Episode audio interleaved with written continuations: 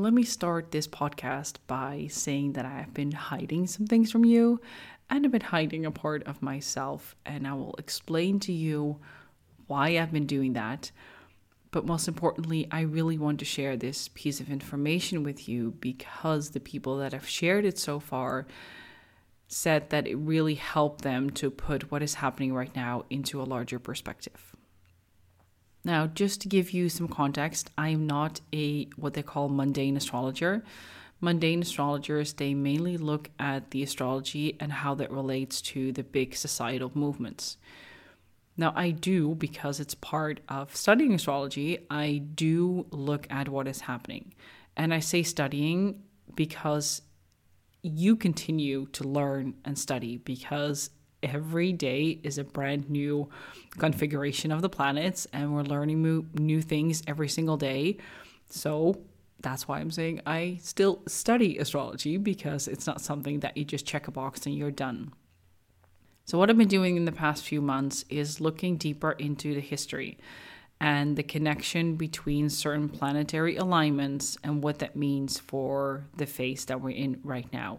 So, today I want to share with you what is going on and to put the events that are happening right now into a larger context and not just a context of a few years or decades. I'm literally talking about hundreds of years of connecting certain dots.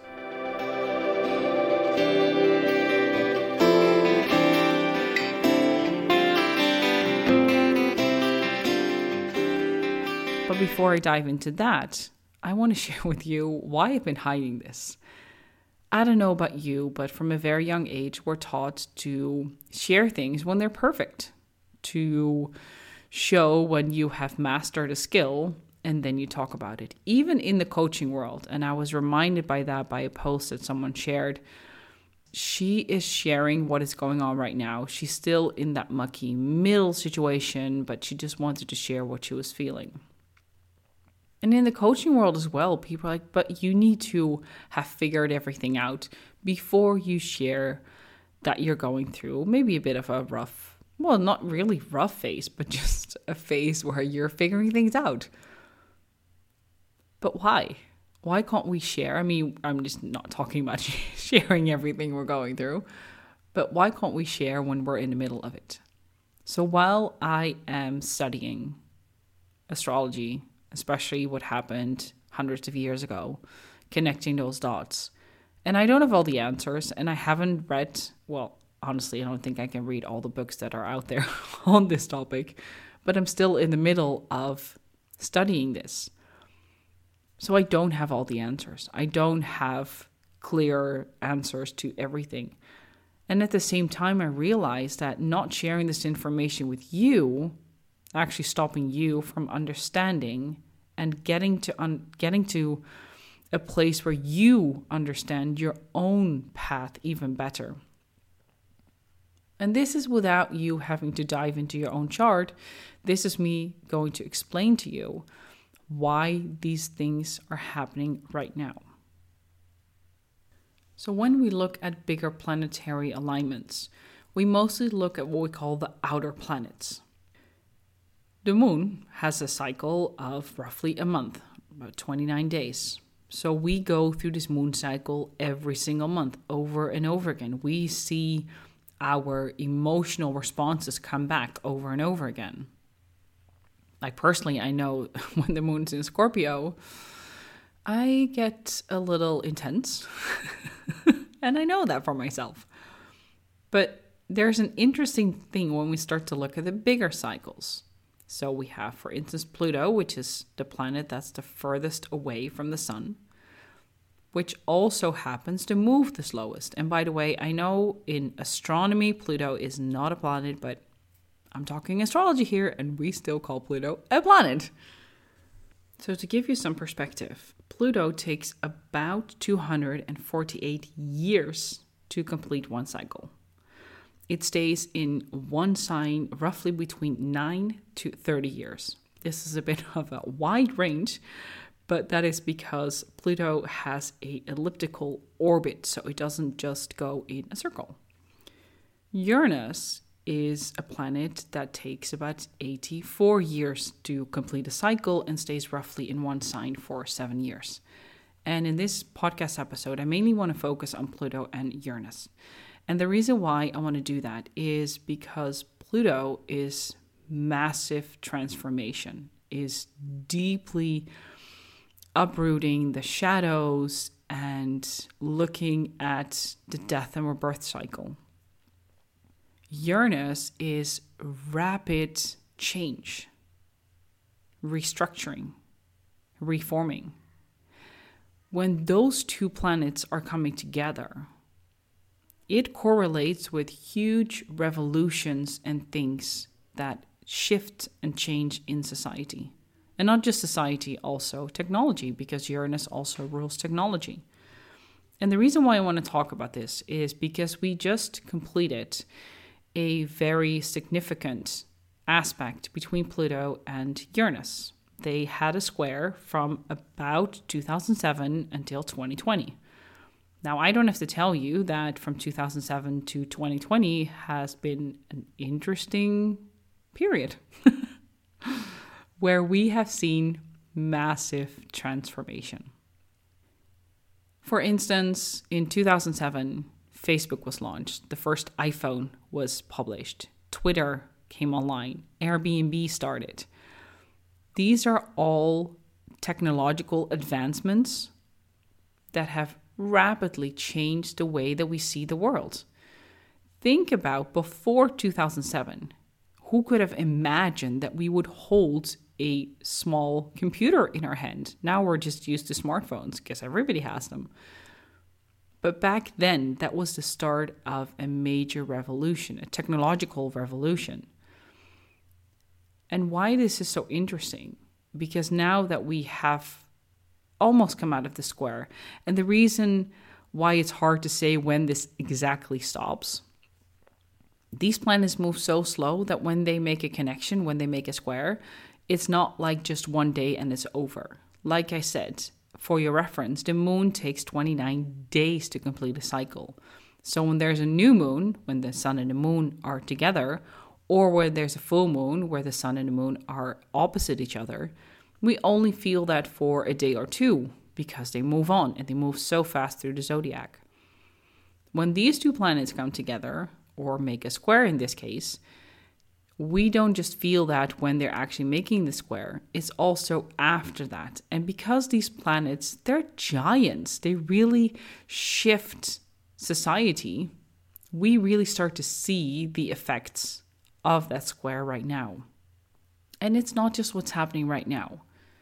Every time a Pluto and Uranus either made a square, an opposition, or a conjunction, massive shifts happened in society and in technology. For instance, the French Revolution, modern communism, the militant women's movement, black civil rights movements, all happened the turn of the 20th century. That's not a coincidence.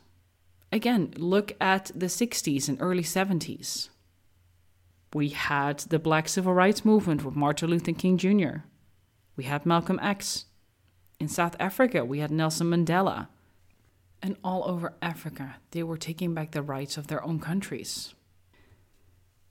You can trace back many, many revolutions in history to Pluto and Uranus. And right now, we have internet, we have phones, we have television, so we know what's happening on the other side of the world. But they didn't know that hundreds of years ago. These revolutions happened in the same time frame, but without even being aware what was happening on the other side of the world. This is what I find really fascinating. And every time we go through these these revolutions, whether they're civil revolutions, technological revolutions, we see the world through a different lens. Every time we go through these revolutions, we go up. It's like a spiral. We don't just look at it from, okay, we just go in the same circle and we have the same aspect again. So, of course, this is what is happening. We go up. We see the world from a different perspective. When I was in conversation with someone, we talked about how this generation right now, our generation, is seeing that bigger, higher, more isn't better. I think we are one of the first generations who realize wait a minute, the revolution that we just had with our phones and our computers, it's amazing. And there's a downside to it. So, for the first time in history, I think we are coming back to nature. And actually, it's not even coming back, it is redefining our relationship to nature. We see how destructive phones can be, social media. We do realize how it helps us and how it advances our lives, and at the same time, what the downfall is of it. We can see that this isn't everything there is. We just went through a pandemic and we're still not out of it. And that made a lot of people realize what is important. I've never heard more people saying that they're quitting their job, that they're choosing time over money, that they're making a conscious choice to spend the time with their family and friends instead of working all the time. Now, I don't know about you, but my parents were always busy with working, making more money. Not that they forgot everything else, but there was always this drive to create a better life than their parents from a financial perspective.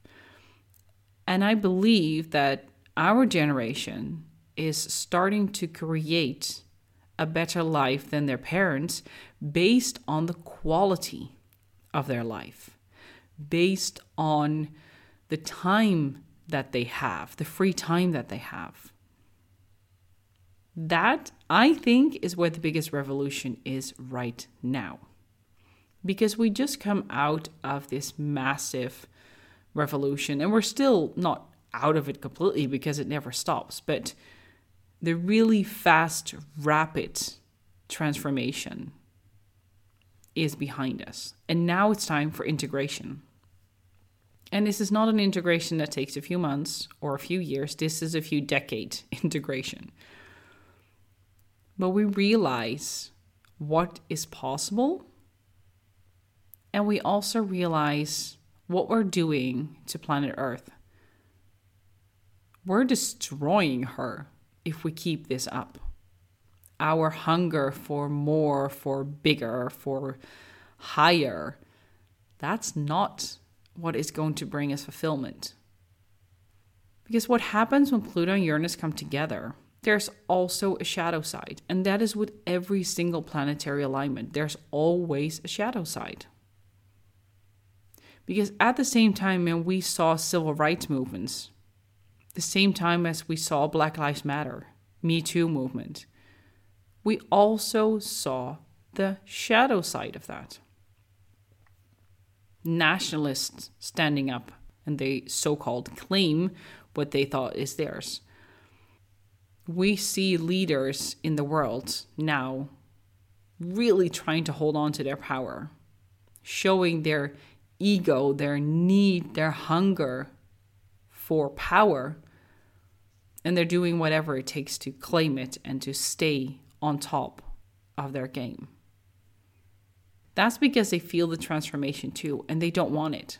They want things to stay the same because that's how they got their power and that's how they will stay in power. And they're doing whatever they need to do to keep that power, to show the world that back off because this is my territory. And that's scary too. Because when Pluto shows its dark side, it is really, really dark. And I don't say this to scare you because I never want to do that, but I also want to show you that every time when we go through this massive transformation, there is a shadow side. There always is a downside. But the beauty in this is too that we get to choose what we are going to do with this energy. because we are moving into a more harmonious energy, we get to decide where this revolution lands. We get to decide where this goes. Recently, on a podcast interview, I was asked about the rise of the divine feminine. And I said I don't think it's much about the rising of the feminine. This is about harmonizing the divine masculine and feminine. It is bringing back where the feminine is supposed to be equal to masculine. And honestly, they cannot be, you cannot call them divine masculine and divine feminine if they're not equal. It's like yin and yang, they go together in harmony. And what I'm seeing right now is that reclaiming of that feminine energy. And not just in women, this is happening in men as well. For me, the divine feminine is the respect to nature, is the respect to the divine order. Because we as humans are not above the divine order. We are part of it. And what we are doing right now is completely destroying the earth because we don't respect the order. This is not a hierarchical order, this is a divine order where everything is moving together. Right now, we are in the Pisces energy. And not just because it's Pisces season, but also because we have Jupiter and Neptune in Pisces. So we get to bring this unification energy to everything that we do.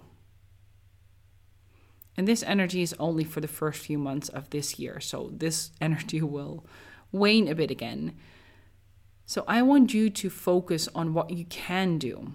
How can you bring things together? How can you see the connection between everything? The divine connection. It is so important that we allow ourselves to see and feel this.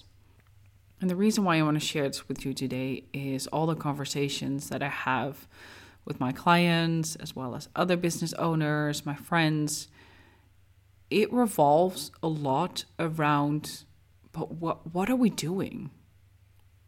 I'm running my business. There's a war happening in Europe.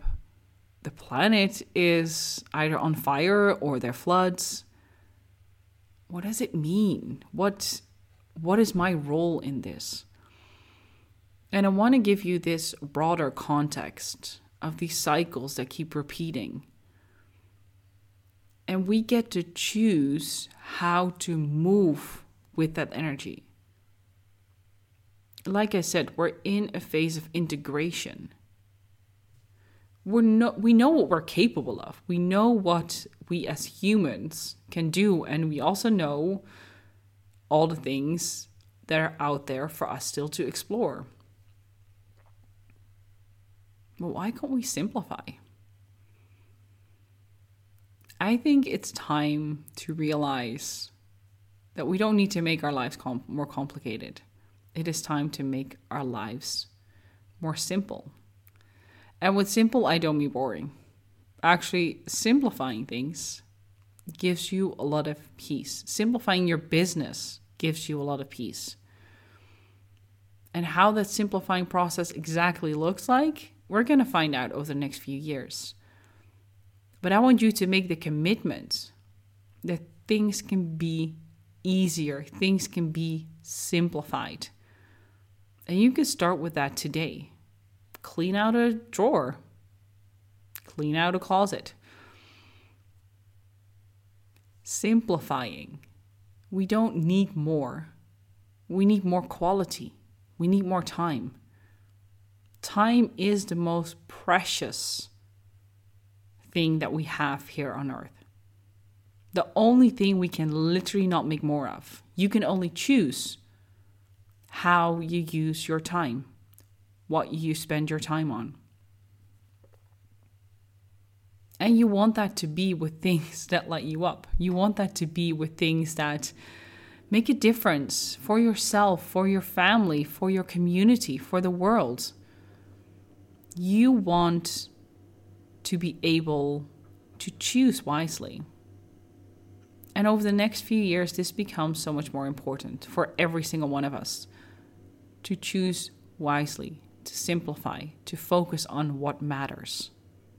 I will be doing more research on this, and every time when I have new insights, I will share them with you with practical tips on how to harness this energy that we are in. Because I feel like we are at such a pivotal point in history again, where we get to decide what direction we're going into quite frankly, we always have that ability to make that choice. But we just had such a massive revolution technological revolution, civil revolutions that we understand our need for freedom. That's also what Uranus is about the need for freedom, the need to design our lives, our businesses the way that works for us. I can go on and on about this, but I want to leave you with this. What does freedom mean to you? What does freedom look like to you? And how can you simplify your life and business so that you experience even more freedom? Think about that. Now, if you enjoyed this episode, please share this with your friends, with your business buddies, and let them know how important it is to understand the bigger cycles that we are in. I love for you to share this on Instagram. You can tag me, send me a DM, let me know what you think about this. And let me know how you are experiencing it as well. That's it for this episode. I will speak to you again next time.